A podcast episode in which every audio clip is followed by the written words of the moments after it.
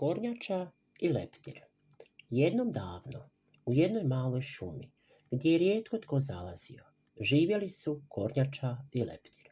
Njih dvoje nisu se baš previše družili, jer svatko od njih živio svoj život.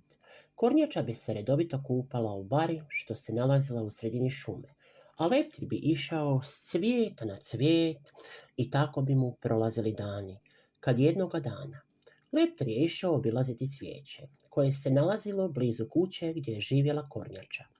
Kad je Leptir vidio da je to neka kuća i da netko tamo možda živi, vikne na glas.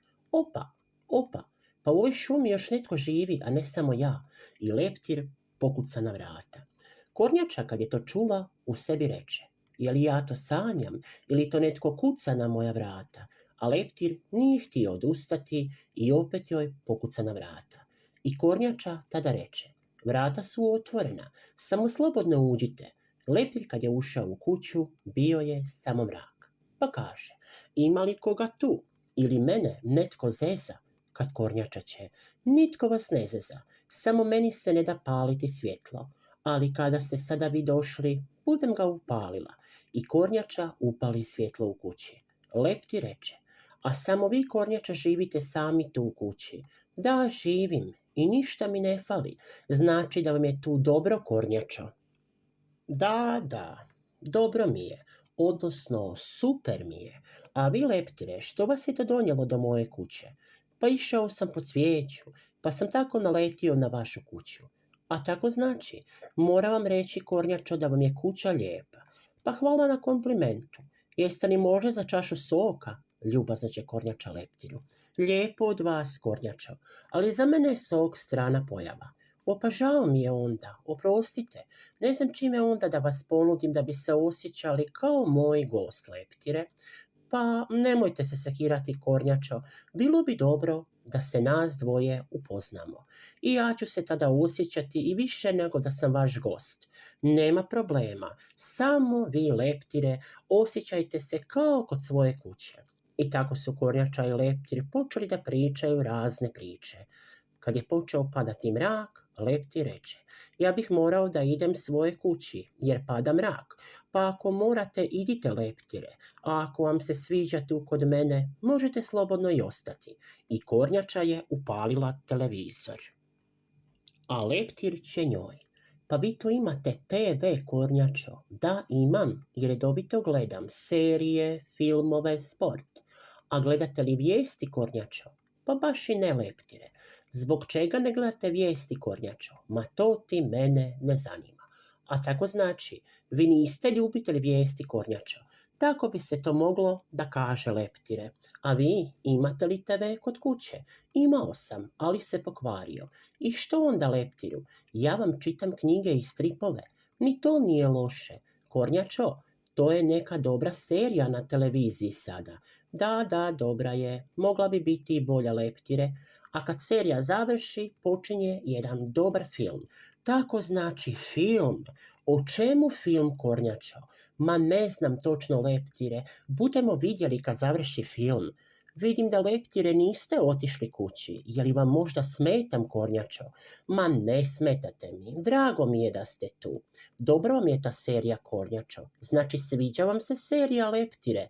Ma ništa seriji ne fali, Kornjačo. Dobra je serija. Možda vam se svidi i film. Znati ću, Kornjačo, dok ga budem gledao. A kad vi, Kornjačo, idete spavati, pa još ni film nije počeo, leptire, rano je za spavanje, a vi, leptire, ostajete još da gledamo TV. Da, da, ostajem, ostajem, zanima me kakav će biti film.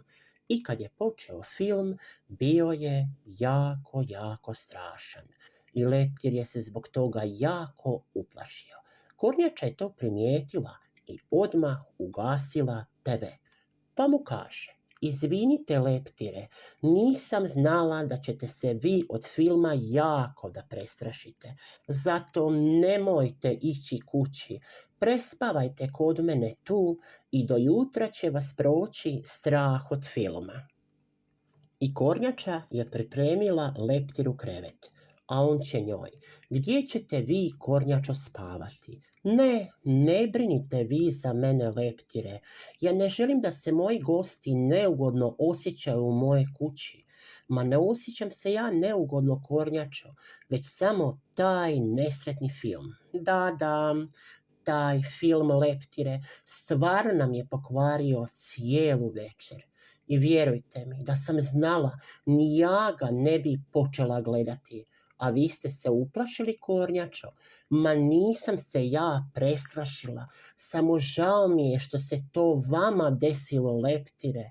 Zato, Leptire, samo mislite na lijepe stvari da prije zaspete. Dobro, dobro, Kornjačo, budem vas poslušao. A vi idete na spavanje, Kornjačo? Da, da, ja ću polako leći ispod kreveta. Pa hoćete li moći dobro da se naspavate? Ma nemojte da se brinete, leptire. Mislite na lijepe stvari, da možete dobro da spavate, pa će vas proći strah od filma. I kornjača je ugasila svjetlo u kući. Leptir se okretao po krevetu, te na lijevu stranu, te na desnu stranu, Kornjača je to primijetila, pa tiho kaže, leptire, vi to ne možete zaspati. Pa nešto ne mogu zaspati i počela me je boljeti glava, kornjačeće. Vi, leptire, samo mislite na lijepe stvari i bude sve u redu. A leptir je se samo okretao u krevetu i upita kornjaču. A da li bi vi, Kornjačo, htjeli mi da mi zapjevate jednu lijepu pjesmicu? Tako mi je mama pjevala dok sam bio mali i kad nisam mogao zaspati. Nema problema, leptire. Evo, bude vam ja pjevala jednu lijepu pjesmicu. I Kornjača je počela da pjeva leptiru. Nije prošlo ni pet minuta, leptir je zaspao. Kad Kornjača će? Pa te su pjesme tako odlična stvar da se može brzo i lijepo zaspati. Kad je svanuo novi dan, leptir se probudio sretan i veseo. Dobro jutro, kornjača, leptirće.